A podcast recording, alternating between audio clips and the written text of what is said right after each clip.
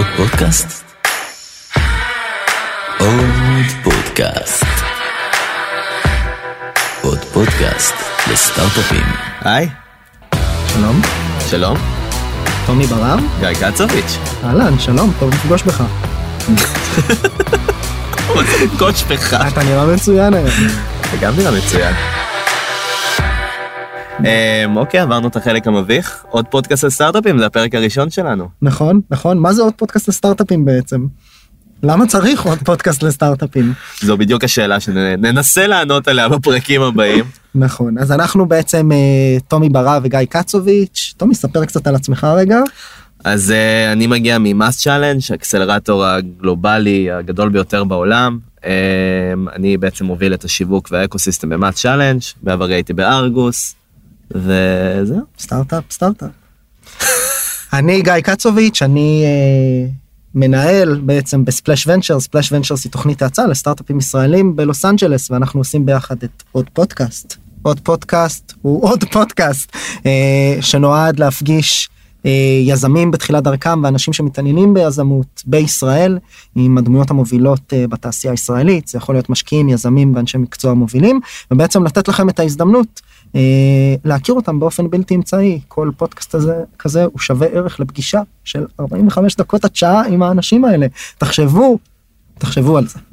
Uh, זהו הפודקאסט הזה קורה בשיתוף פעולה גם עם uh, מערכת גלובס שנותנת לנו בית תודה רבה למערכת ולכל הגורמים המעורבים. תודה כל- לגלובס. תודה רבה לגלובס וכל הפודקאסטים ישודרו ויפורסמו גם באתר וגם בעיתון אז שוב אמרנו כבר תודה רבה לגלובס. אמרנו תודה רבה לגלובס. תודה רבה לגלובס. ויש למה לצפות. יש. זהו תודה רבה גם לכם אה, אנחנו נפרסם פודקאסט פעם בחודשיים. מה? פעמיים בחודש סליחה.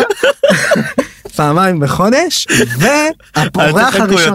אל תחכו יותר מדי זה לא יהיה כל כך כל כך לאט והאורח הראשון בפודקאסט הראשון יהיה טל מורגנשטרן טל מורגנשטרן מעבר לזה שהוא חבר והיה בשנים האחרונות שותף בקרן בקרן סקויה הוא היום שותף בקרן ההון סיכון לייטספיד אה, והוא יהיה האורח הראשון שלנו ושכמותו ויש לו הרבה מה להגיד. המון מה להגיד והוא גם אה, עושה ג'יו ג'יטסו. הוא לדעתי מנצח את שנינו במכות אם ננסה ללכת עליו. בוא לא ננסה היום. לא היום. לא היום. אז תכף טל מגיע, אנחנו... טומי, טומי, טומי, אהלן. אהלן וגיא. תודה לגלובס. התחלנו? התחלנו. התחלנו. התקבלת לברקלי? לא. אבל כמעט. כמעט, כמעט. אני אה, רק- אני רק רוצה לשתף את כל מי שהגיע לתחילת ה- לתחילת השידור, אנחנו נמצאים פה עם טל מורגנשטרן, הוא שותף בקרן הון סיכון, והוא סיפר לנו שנייה לפני שנכנסנו לחדר שהוא כמעט הלך ללמוד מוזיקה כקריירה.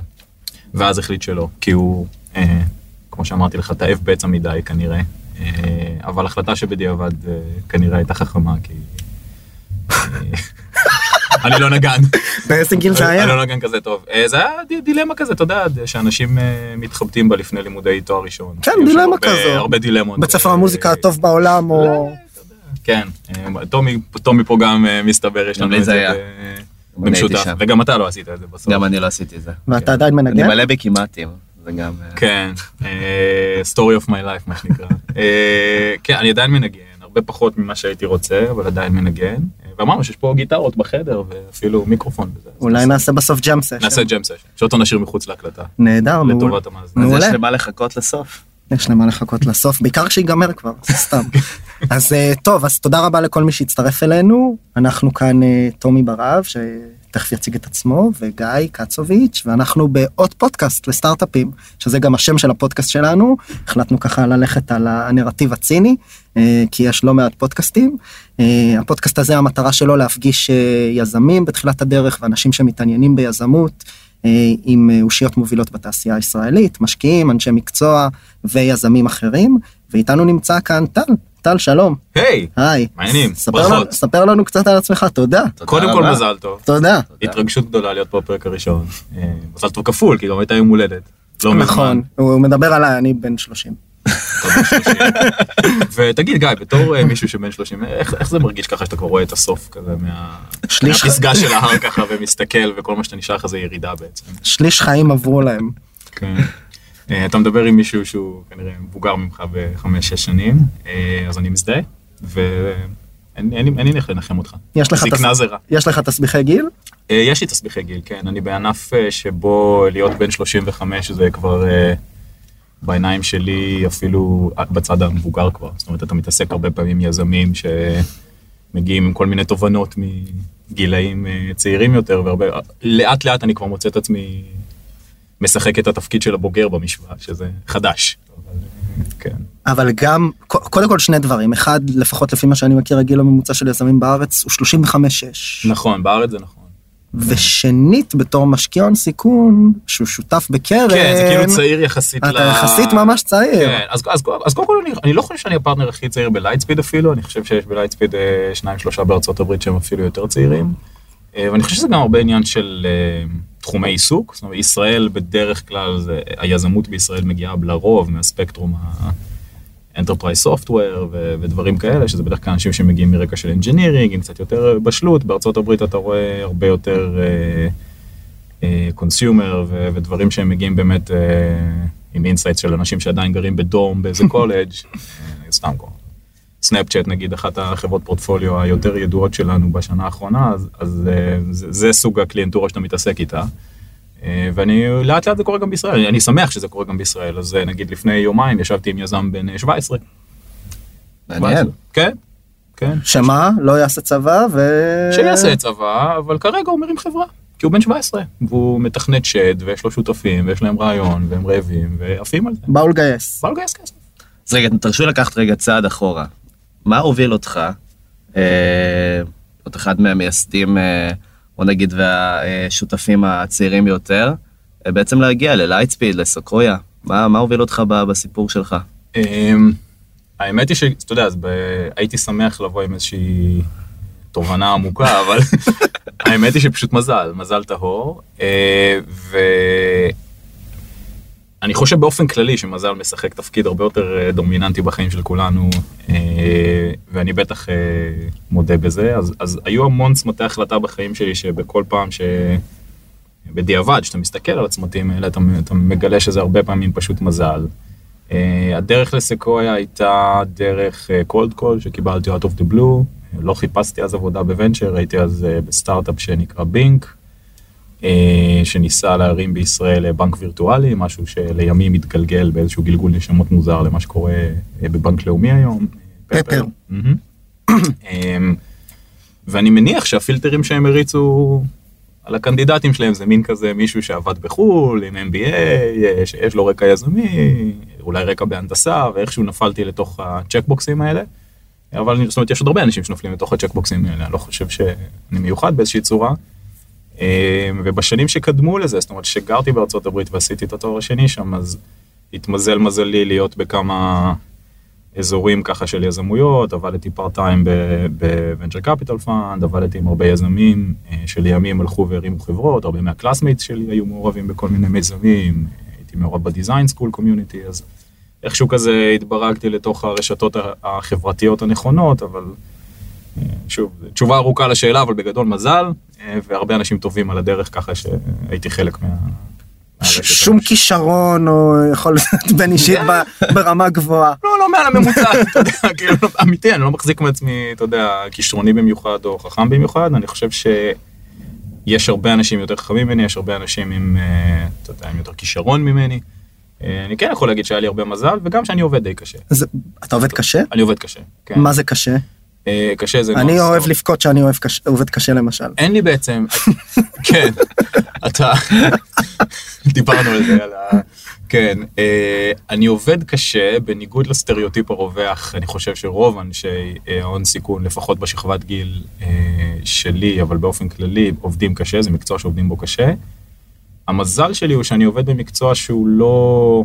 אני לא תופס אותו כעבודה, ולכן כשאני בשבת מחליף אימיילים, או שכזה לפנות בוקר שזה שיחת ועידה עם קליפורניה, אני אשכרה לא תופס את זה כ... I need to punch the clock כזה, אני לא תופס את זה ככאילו עליתי למשמרת, זה פשוט חלק מה-day to day life. עכשיו, ה-day to day life שלנו, הוא, הם, הם מאוד מאוד שלובים בעבודה, אז אין בעצם הבדל. אני כל היה, כל הזמן on the call, כל הזמן כזה 24/7. נכון. ב- לקרוא דברים, לפגוש אנשים, לרדוף אחרי הדיל הבא, לדבר עם, אתה יודע, עם יזמים בפורטפוליו, כל הזמן זה, זה ongoing, אז כן, אני חושב שזו עבודה די קשה, זה high stress אה, environment יחסית. אה, מקצוע לא טריוויאלי, אה, אתה נמדד יחסית על מספר מועט של עסקאות שאתה עושה. אה, זה מקצוע שאין לך המון זמן להוכיח את עצמך בו, בגדול. אה, וגם הרבה מזל, כמו שאמרתי, זאת אומרת, זה מזל איך, איך מורכב היום שלך? איך הוא נראה בגדול? כן. בואו נעשה את זה כמשל לשבוע. ש... זהו, אז המיקס הוא היום. בגלל שאני הצטרפתי לאחרונה אה, לקרן, הצטרפתי רק בינואר בעצם, אחרי ארבע שנים בסקויה בעצם, אה, אז בלייטספיד עוד אין לי board seat, זאת אומרת בעצם אני free agent כזה, רוב היום שלי מורכב מלרדוף אחרי אה, ה-deal הבא. שמה שזה אומר זה לפגוש המון המון פגישות, המון פגישות אה, גם פורמליות יותר במשרד, יזמים, באים, מצגת, עניינים. וכל כמה יזמים אתה בערך פוג- פוגש בשבוע? אה, שאלה טובה, אני- אני חושב שאם תפרוס את זה לשנה כזה, אז הממוצע היא שניים, ש- שניים שלושה ביום, צוותים, בממוצע. שניים שלושה בערך. שזה יהיה ימים מרוכזים יותר, נגיד היום במקרה אתם תופסים אותי ביום ממש מרוכז, כי אמרתי, טוב, אני כבר גררו אותי כל הדרך לתל אביב, וכבר מצאתי חנייה. אנחנו לתל אביב? מה כן, פתאום? התחלתי לחפש חנייה בשבת בלילה. אם משתמש בכישורי המתמטיקה שלי זה יוצא 600 בערך ב... אה, בשנה. אני חושב שזה די מדויק, אני חושב שזה עוד משהו כזה. אני יודע, יש אין- למדת בבינתחומי אחי? זה משהו כמו, תראה, בכל פעם שניים שמריצים... שלושה בשנה? אני הורדתי, אה, הורדתי. הורדת שבתות כן. שבתות וחגים. אז תראה, כל פעם שמריצים את האנליזה הזאת כזה וזה, אז אנחנו כזה, יש כל מיני מספרי פלאף. אני חושב שכחוק אצבע כזה, אנחנו פוגשים משהו כמו 1,500 חברות, בסדר? בשנה. וואו. כאילו, בקונטקסטים שונים, לפעמים זה סתם דק שאתה מקבל באימייל ואתה לא עושה פגישה, ועד חברות שאתה עושה איתן תהליך הרבה יותר ארוך. אה, היום לדוגמה אני פוגש חמישה, שישה, חמישה. יום סולידי. חמש פגישות. יום ראשון. יום, אה, כן, יום ראשון אה, סטנדרטי בתל אביב, אמרתי אם אני כבר בא לתל אביב אז נצופף פה פגישות, אז back to back כזה עד 4-5 זה, זה פגישות, אה, שאתם הראשונים, ייי, אז אני עם כל האנרגיה כזה. וכמה כמה יזמים אתה משקיע? אם זה 1,500 אתה רואה? אז שוב, בממוצע. פרטנר בקרן יעשה בין, נגיד, שתי, נגיד שתי השקעות בשנה, וואו. בממוצע. אז אנחנו מדברים על חמש עד כן. שבע השקעות בשנה ב- לקרן.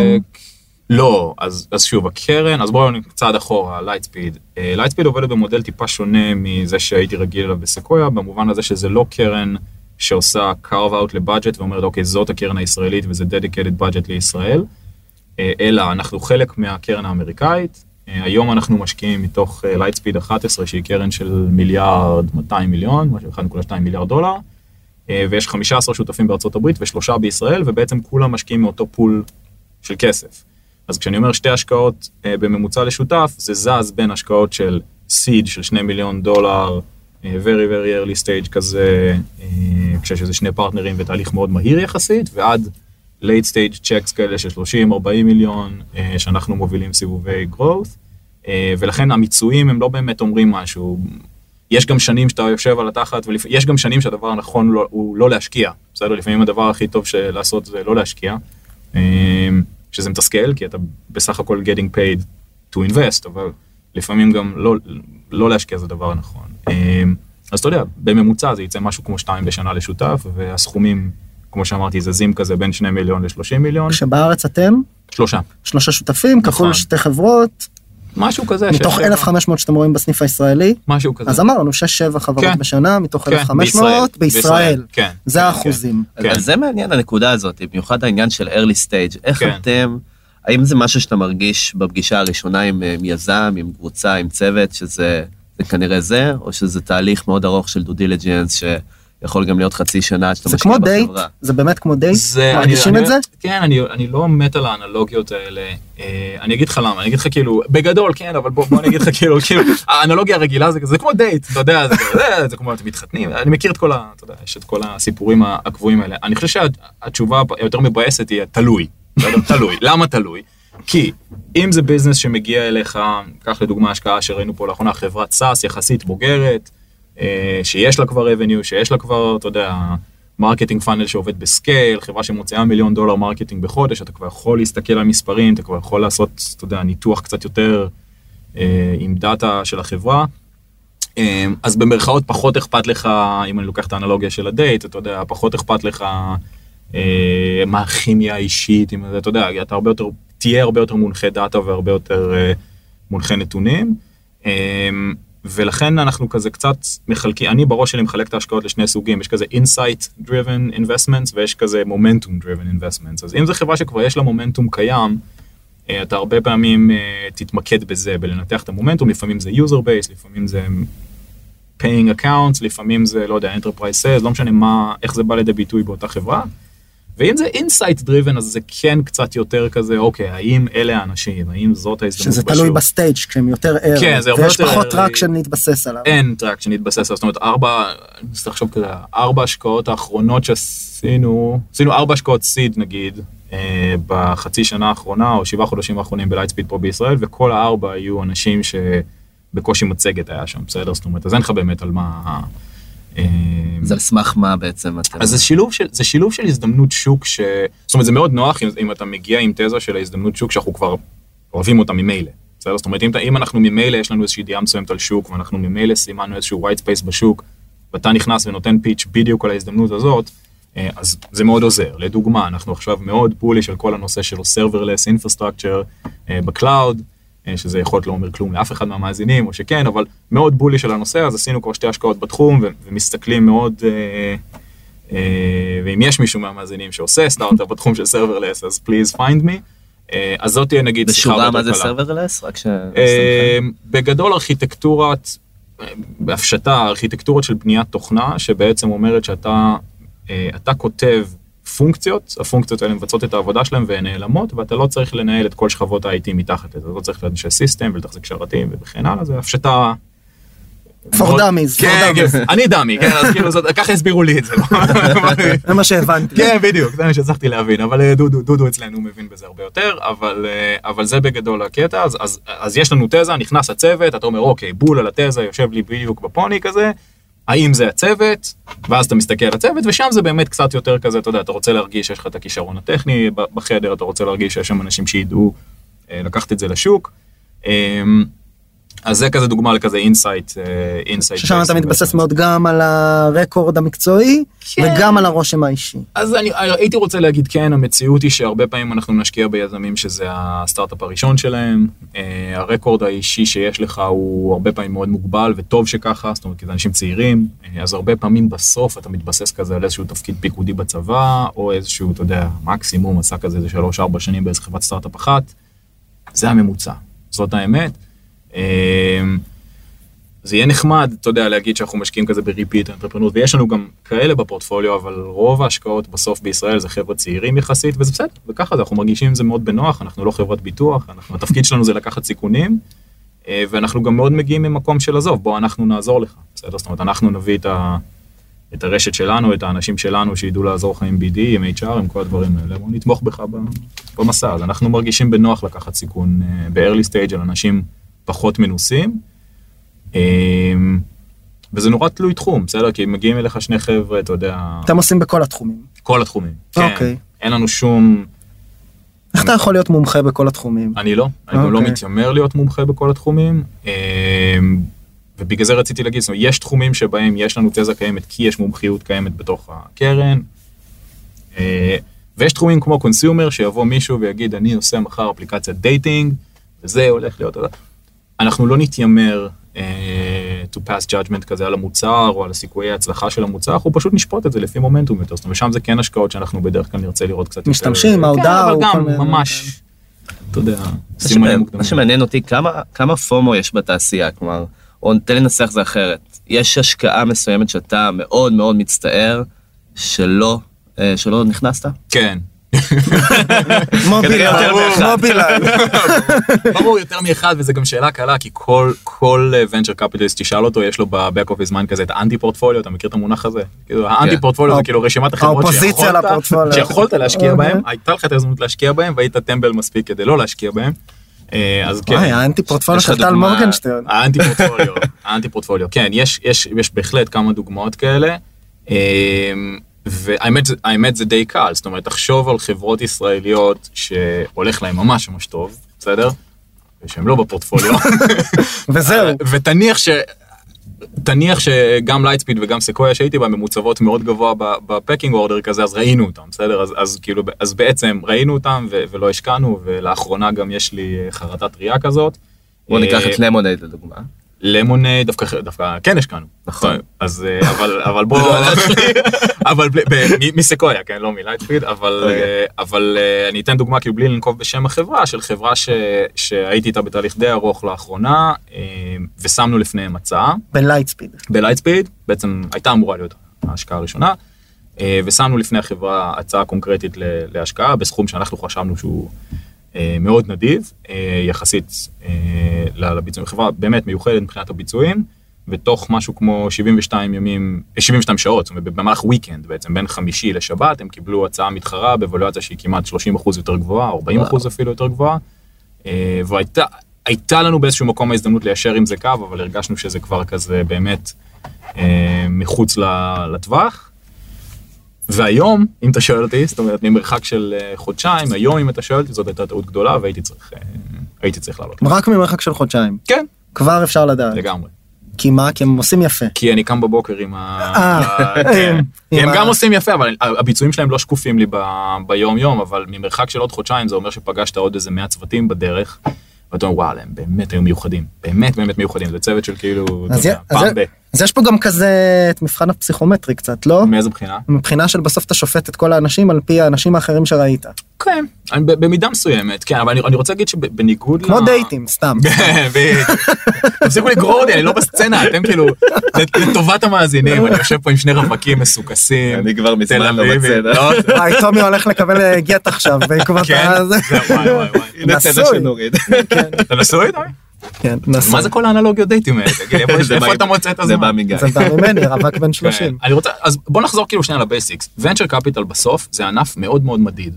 מאוד מדיד. למרות, ה... למרות כל הפלאף וכל השטויות שנהוג לומר כזה מסביב, בסוף, אני, מודדים אותי על כמה כסף לקחתי מה-LPs שלנו, מה-Limited Partners, שמתי בחברות וכמה כסף החזרתי, וזה נורא מדיד. ואם אתה יודע להחזיר קרן אחרי קרן, יותר ממה שלקחת, רצוי, הרבה יותר ממה שלקחת, אז העבודה שלך סבבה, ולאף אחד לא אכפת במרכאות, אני אומר, ברור שאכפת, אבל במרכאות לא, קורה- לא אכפת לאף אחד מה קורה באמצע.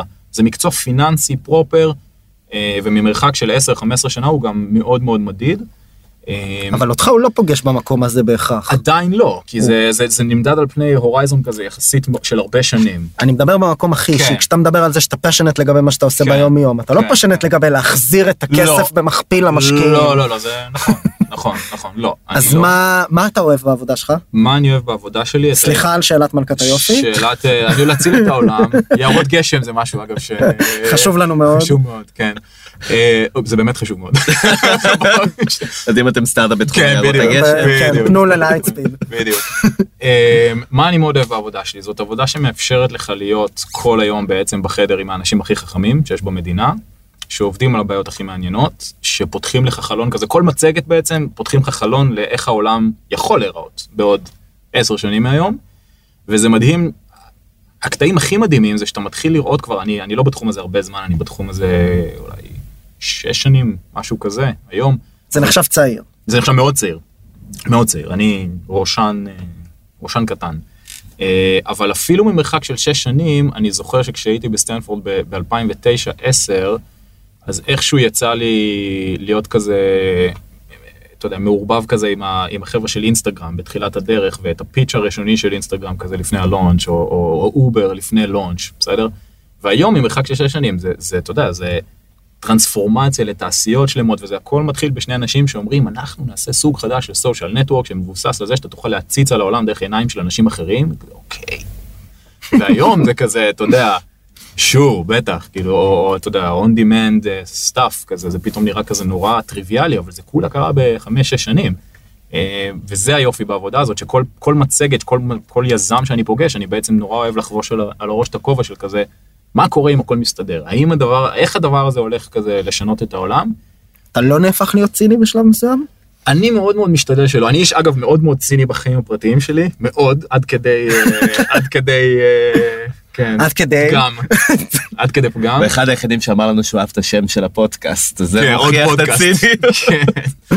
אה, אז, אז אני מאוד מאוד ציני בחיים הפרטיים, ודווקא בחיים המקצועיים אני למדתי שאם אתה ציני אז אתה מפסיד בביזנס הזה. כי הדילים הכי הכי טובים והחברות הכי משוגעות, הן באמת משוגעות, בסדר? הם, הם באמת, זה נראה מטופש, בסדר? בא אליך מישהו, אומר לך, אני הולך, אה, הולך להגיע למאדים, והדרך שלי להגיע למאדים זה לבנות טילים, והדרך שלי לבנות טילים זה לממן את זה על ידי חוזים עם, אה, עם דרפה ונאסא, אז אני אתחיל בשלוח לוויינים לחלל.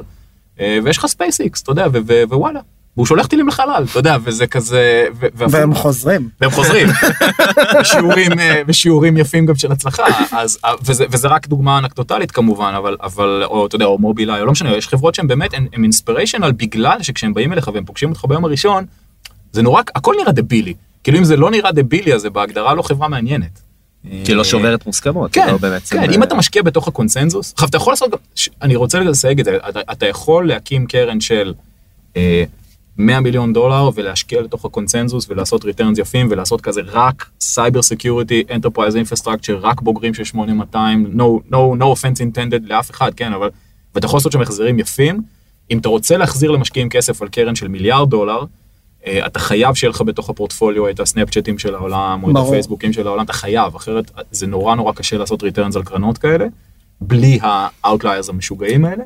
וזה משהו שבתור קרן אתם עושים balance? כלומר, אתם כן. אומרים אני אשקיע בחברה חברה אחת שהיא fully disruption, כן. disruptional, או בחברה שנייה שהיא... אז, אז זה לא, התשובה היא כן, זאת אומרת, אנחנו מנהלים את זה כמו פורטפוליו, בסדר? ו, ובתוך פורטפוליו אתה רוצה שיהיה לך את המניות שהן כזה risk, אה, כזה high, אתה יודע, high, high yield, high risk, ואת המניות שהן כזה beta, lower alpha.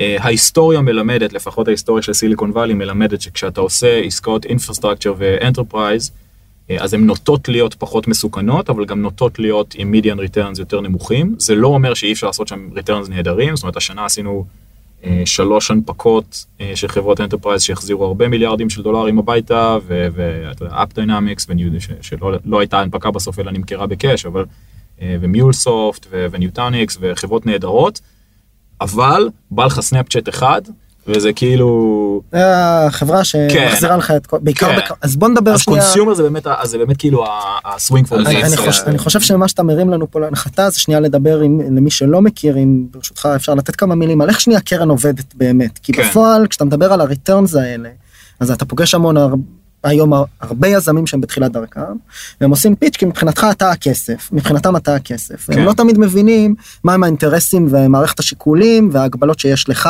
כמשקיע בתוך קרן יש הגבלה של זמן את גודל הקרן משנה את איזה סוג חברות אתה מחפש כן. וכדומה וכדומה אז אם תוכל כן, לתת כן, כמה כן, מילים כן, על בטח. זה. בטח, אז, אז יש כמובן גוונים שונים של, אני לא יכול לש, לספר על איך קרן עובדת, אני יכול לספר רק איך לייטספיד עובדת, Mhm. כי קרנות הן גם מאוד מאוד שונות בינן, בינן לבין עצמן. אמ, באמת, אולי הדבר הכי חשוב שאתה אמרת זה הנושא הזה של אה, גודל הקרן ואיך הוא משפיע על ההשקעות, שזה אולי הדבר הכי דטרמיניסטי בפגישות שאני עושה ביום-יום. בגלל שאני משקיע מתוך קרן שהיא יחסית מאוד גדולה, זה אומר שאנחנו מגבילים את עצמנו לסוג של השקעות שאנחנו יכולים לדמיין אותן כמו השקעות שהן כזה fund makers. עכשיו, מה זה fund maker בעיניים של קרן של מיליארד דולר? זה אומר שאנחנו בסוף היום יכולים להחזיר הביתה 100-150 מיליון דולר על ההשקעה הזאת. בשביל שאנחנו נחזיר, בנוסף להשקעה. על ה ownership שלנו, מהמם. על ה ownership שלנו בהשקעה.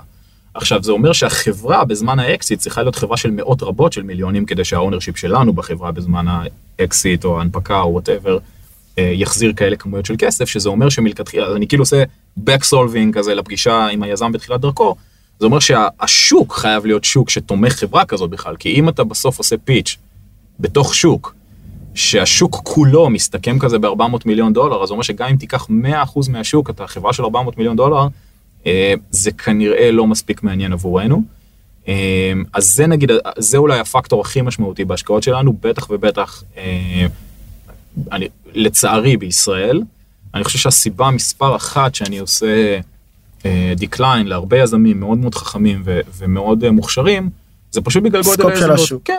אז במילים עכשיו, זה לא אומר אחרות, שאי אפשר לבנות שם, אפשר לבנות שם חברות נהדרות. פשוט אפשר- לא עבור לייטספיד. לא, בדיוק, אז- לא עבורנו. אז במילים אחרות אם נחזור שנייה אחורה ואני אגיד כן. את זה קצת לאט ולוודא שכולנו הבנו בעיקר אה, למאזינים לייטספיד היא קרן של מעל למיליארד דולר. מהמם. אומר שהיא מצופה כמכשיר פיננסי בתוך 10 עד 12 שנה להחזיר כן. למשקיעים פי 2 פי 3 אנחנו רוצים לחשוב שפי שלוש. פי 3 על ומעלה. הכסף זה אומר שסך הערך שלה באקזיטים צריך להיות נגיד 3 מיליארד נכון, דולר נכון, ההחזקות שלכם בתוך חברה היא לא 100 אחוז. נכון, בוא תניח 20 אחוז בזמן 20% אקזיט, סתם בזמן אקזיט, זה אומר ש- 15 מיליארד market cap. בדיוק 15 מיליארד יש ערך שוק, כן. אה, שזה זה- יכול להיות הנפקות, זה יכול להיות אה, חברות ציבוריות, יכול להיות חברות פרטיות, אבל 15 מיליארד זה הרבה כשאני כסף. יזם ואני בא לעשות לך pitch, אני צריך להראות לך איך אני עושה בכמה כן. מאות מיליונים או מיליארדים של דולרים אקזיט, שבו יש כן. לך אחוזים מסוימים. כן, אני חושב שאתה קודם כל צריך... סליחה על ה... כן, אני לא הייתי רוצה שיזמים יעשו עבורי את הניתוח הפיננסי, אני רוצה שיזמים אה, פשוט שיתקיפו בעיות גדולות ושווקים גדולים, ולא יעשו עבורי את, ה, את, ה, את המתמטיקה, אבל זה כן צריך להיות שוק גדול.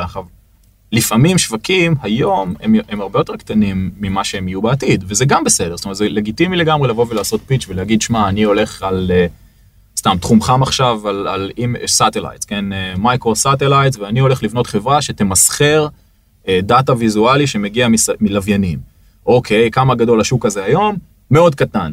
100 מיליון, סתם, אה, 100 מיליון דולר בשנה. אבל בוא תראה את ה-projections, וזה גם השקעה שהיא לגיטימית מאוד מבחינתנו, זאת אומרת, כן. זה, זה לגיטימי מאוד מבחינתנו להמר על שוק. נסתכל קדימה. כן, עכשיו אם אני קושר את זה חזרה לשאלה שלך, של הפורטפוליו והבלנס, אז כן, אז, אז זה לא נעשה בצורה של ממש כאילו אקסל, ואתה יודע, החברה הזאת היא ככה והחברה הזאת ככה, אבל בגדול אנחנו מנסים לבנות פורטפוליו שהוא מורכב גם מחברות כאלה שהם כזה, אתה יודע, swing for the fences, בואו ניכנס מאוד מוקדם ונהמר פה על שוק ועל צוות ש, שילך וזה consumer יותר, הרבה יותר כזה high risk, וגם שווקים מוכחים, אתה יודע, cloud או infrastructure או דברים כאלה שאתה יודע בוודאות, אין דבר כזה ודאות, אבל שיש שם business. כן, אתה יודע, השוק קיים.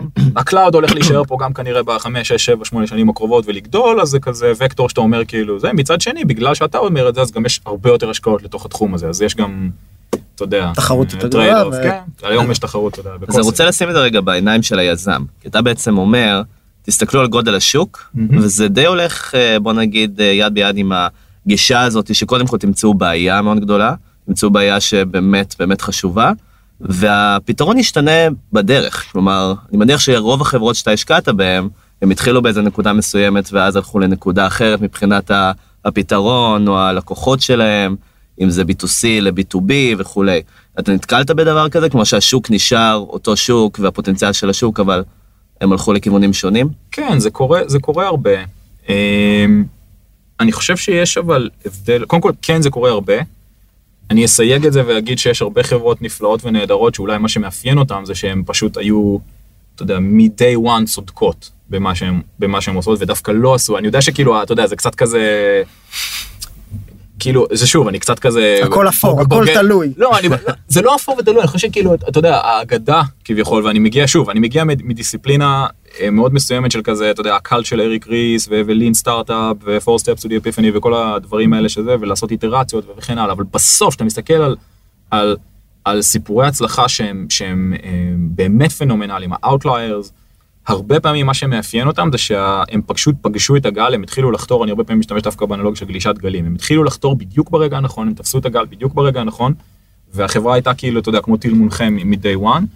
אה, יש גם הרבה דוגמאות של, של פיבוטים ו twists and turns, ולפעמים חברות שעושות pivot בכל זאת נהיות מצליחות וכן הלאה.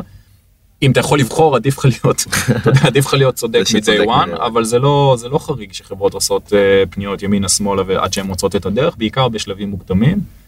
אה, בשפת VC המונח פיבוט הוא הרבה פעמים אה, לא טוב. פיננסית זה עוד... אה, פיננסית זה. עוד כסף לתוך החברה, אבל גם בלי קשר, פיבוט זה, מה, מה זה אומר בעצם? פיבוט זה אומר שהיה צוות והוא ניסה משהו מסוים והייתה לו היפותזה מסוימת על העולם, ו- ויכול להיות שהם מצאו בעיה יותר מעניינת על הדרך, אבל ההיפותזה המקורית לא עבדה.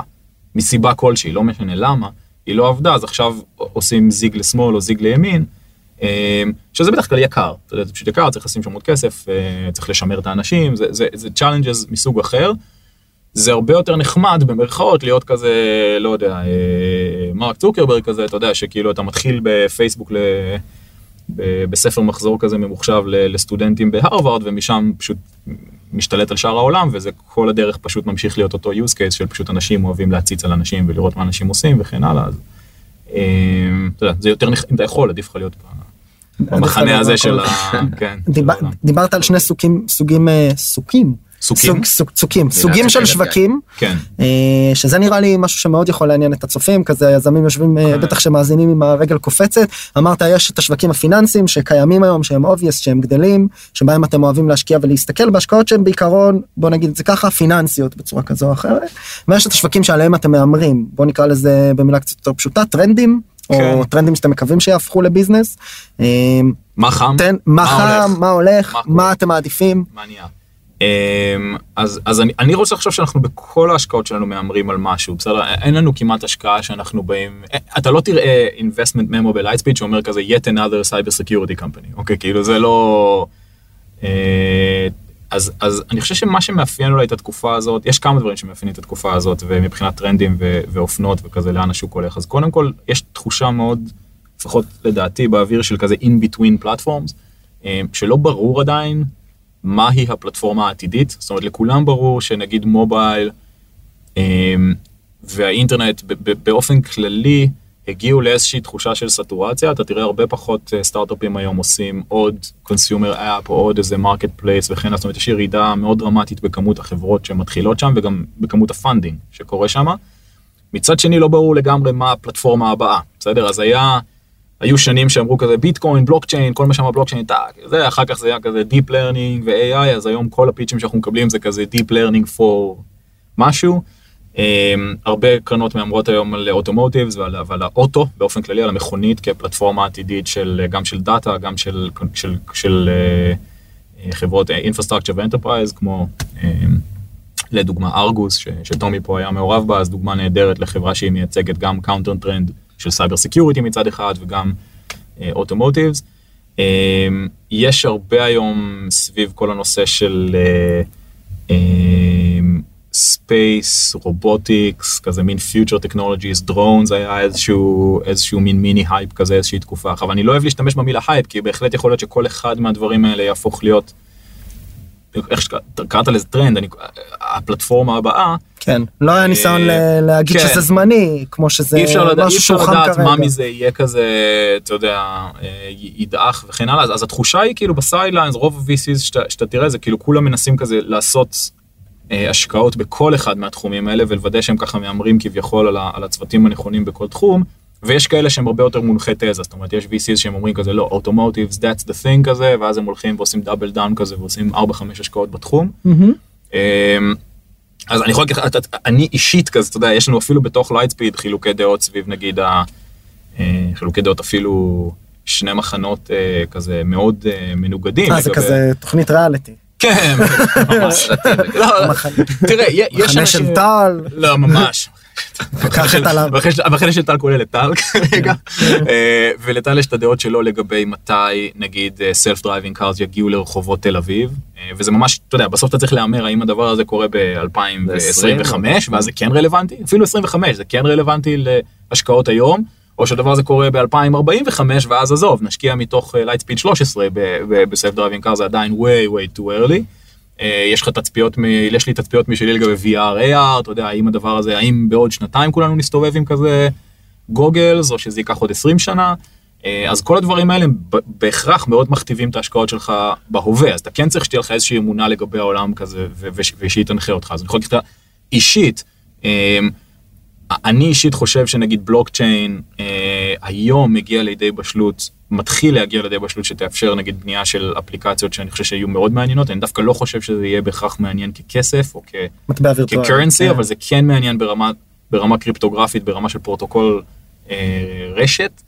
אה, אז שם נגיד אני מאוד מחפש. אה, על VR אני אישית מאוד bullish.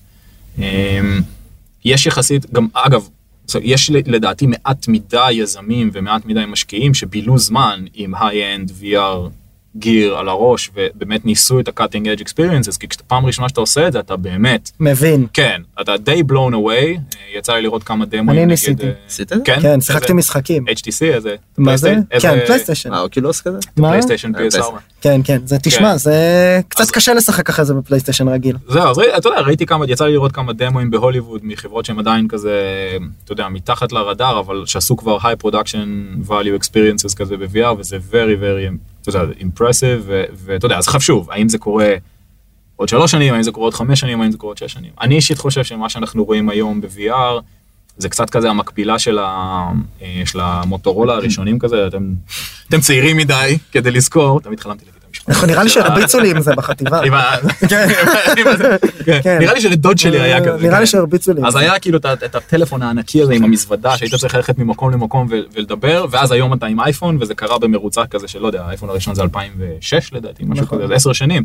אז, אז זה לדעתי כזה ה timeline, לדעתי ה generation 4 נגיד, של מה שאנחנו רואים היום, יהיה כבר לגמרי פלטפורמה שהיא mature. אה, ואז השאלה איפה אתה משקיע, אתה יודע, אם אתה משקיע ב content, אם אתה משקיע ב platform, זה מעלה כל מיני סוגים של בעיות, לא משנה. ברור.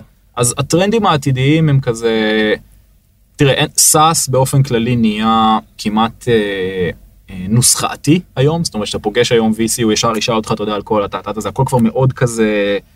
אה, יש מספרים, צריך להראות. זה, והמספרים האלה כבר הגיעו לרמת בשלות שיש לך גם חברות שהן public, יש, יש כבר הרבה חברות סאס publicly traded והכל גלוי, זאת אומרת, אז נורא קשה לעבוד שם עם איזשהו כזה, אתה יודע, משהו אחר לגמרי, אז סאס נגיד הפך להיות מאוד formulaic כזה בגישה יחסית, אמ, והדברים המעניינים הם עכשיו כזה, אתה יודע, הם באמת כזה, אתה רואה הרבה פיצ'ים, לפחות, שוב, לצערי, אנחנו רואים את זה יוצר, יותר בצד האמריקאי של הקרן ופחות בצד הישראלי, והלוואי שיהיו כאלה יותר בישראל.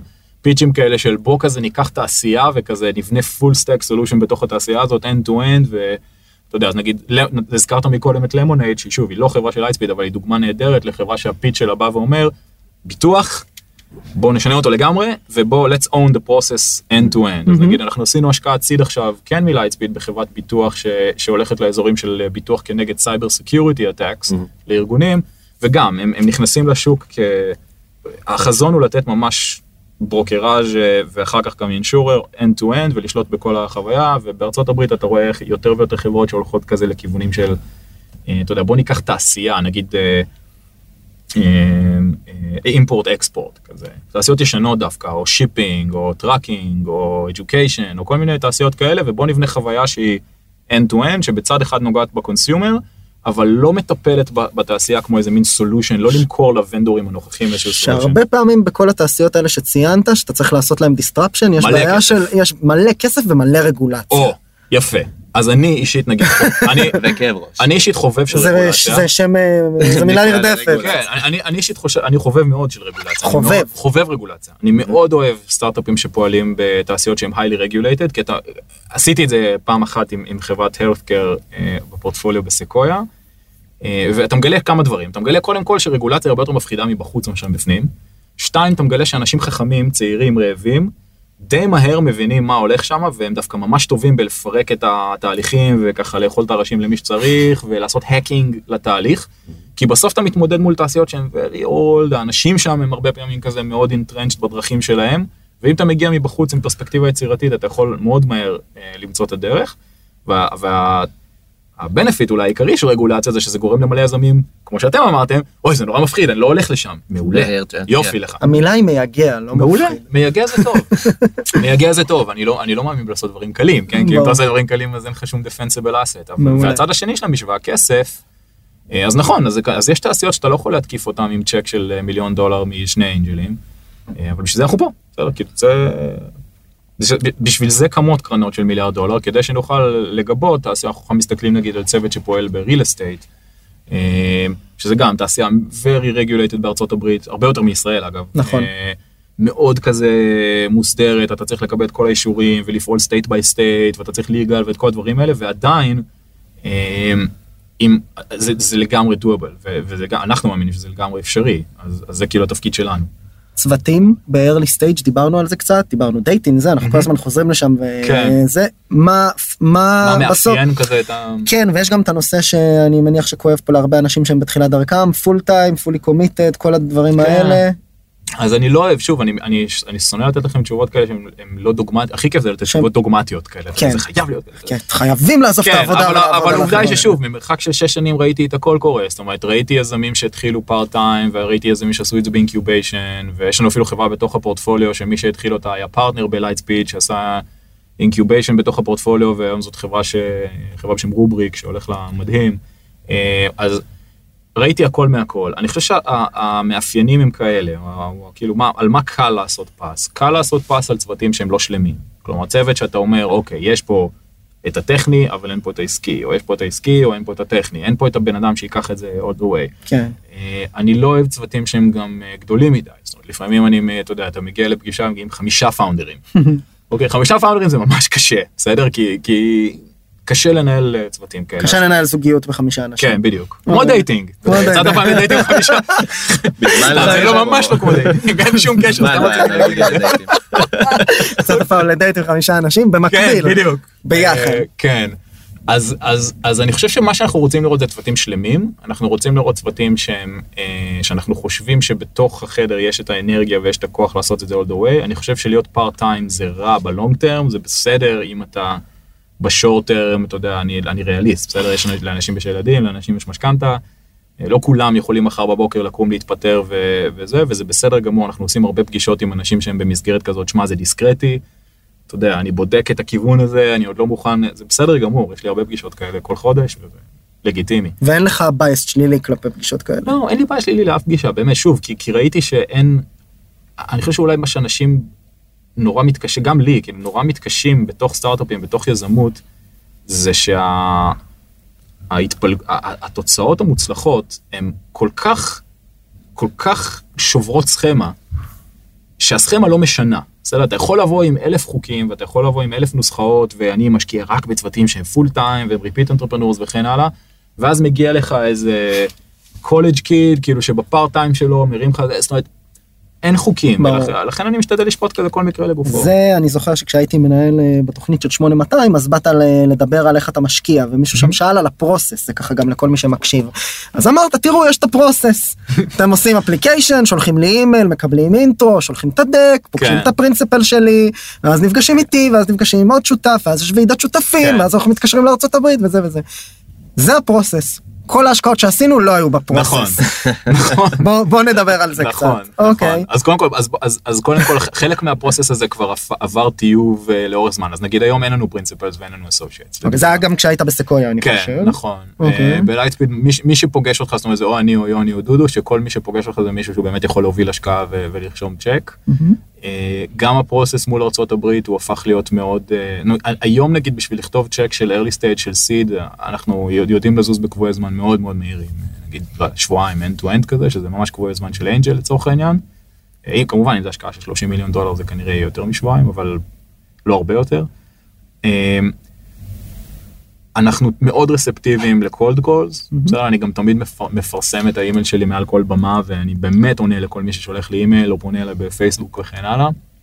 אמ, תפרסמו אותו, תשימו אותו בלינק של ה... לא יודע, אתם שמים את זה... בוודאי, בוודאי. תשימו את אה, האימייל, וכל מי כותרת שמקשיב... ראשית בגלובס. כן, הגענו לשם, כן, אתה אומר. יהיה- כאילו, לא- בין- יהיה בין שתי מרכאות, שלחו כן, לי אימייל. בדיוק. לא, אבל אמיתי באמת, כאילו אין לי בעיה, תשלחו לי אימייל ואני תמיד שמח לשמוע על דברים אה, כמה שיותר מוקדם ואני עונה.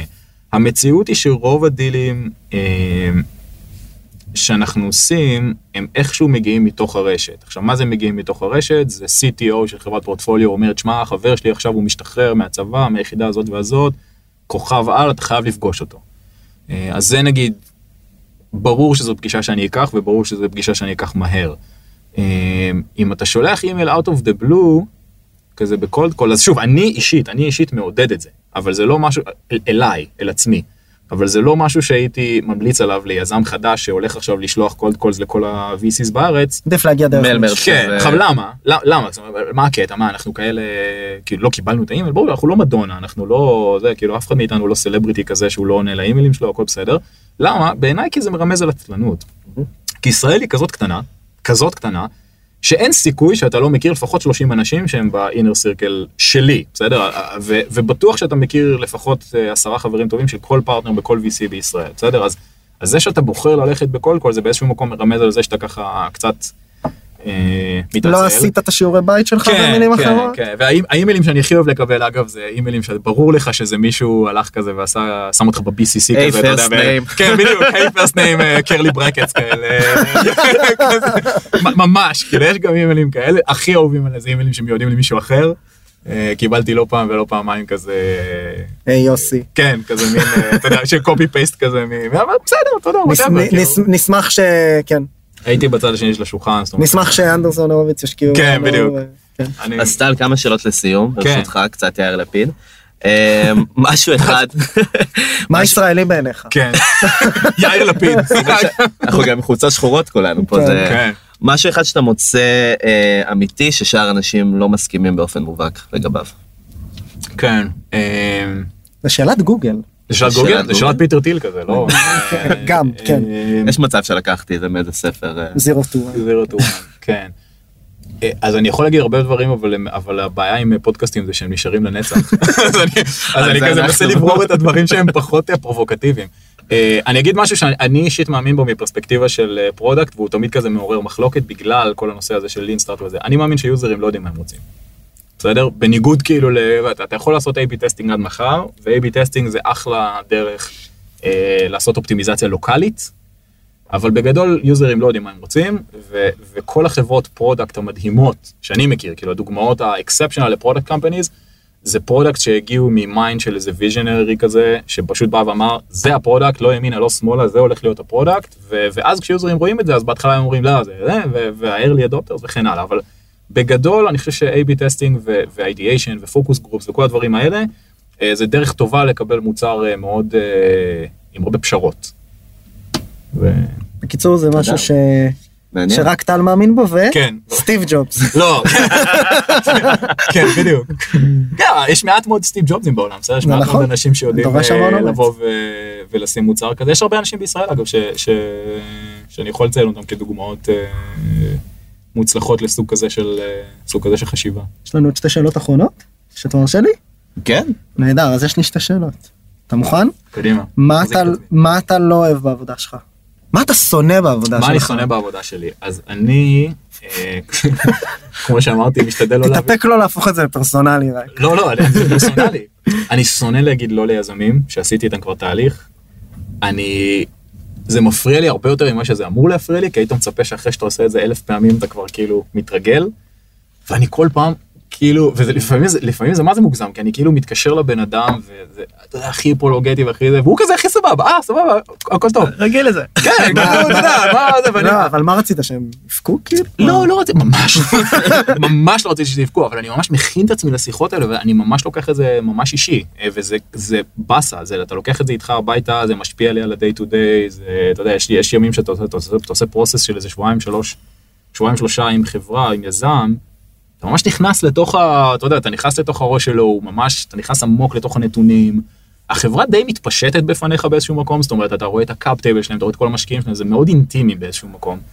אמ, ויש תהליכים שאתה באמת מתאהב ביזמים, אבל אתה לא משקיע לבד, זאת אומרת, אני לא angel, בסוף אתה צריך להעביר את ההשקעות. כן, יש עוד דעות מסביב לשולחן, ולפעמים אין מספיק קונצנזוס כדי להתקדם להשקעה, גם אם אני הייתי רוצה לעשות את ההשקעה, ובמקומות האלה, אז, אז אני לוקח מאוד קשה את, ה, את הלא. אז over אה, time אני כזה מנסה להשתפר בלהיות יותר, אה, יותר סלקטיבי ויותר אה, קומוניקטיבי לפני, בסדר? כדי שלא ייווצר כזה שום אה, מצגי, ש- אתה יודע, דיסקליימרים. כן, כזה נורא כזה, נו- לש- לשמור טיפה יותר על distance מראש, כדי שאחר כך זה לא ישפיע עליי עד כדי כך, אבל זה עדיין משפיע עליי. אני מאוד גאה בך שלא אמרת כמו בדייטים. כמו יודע.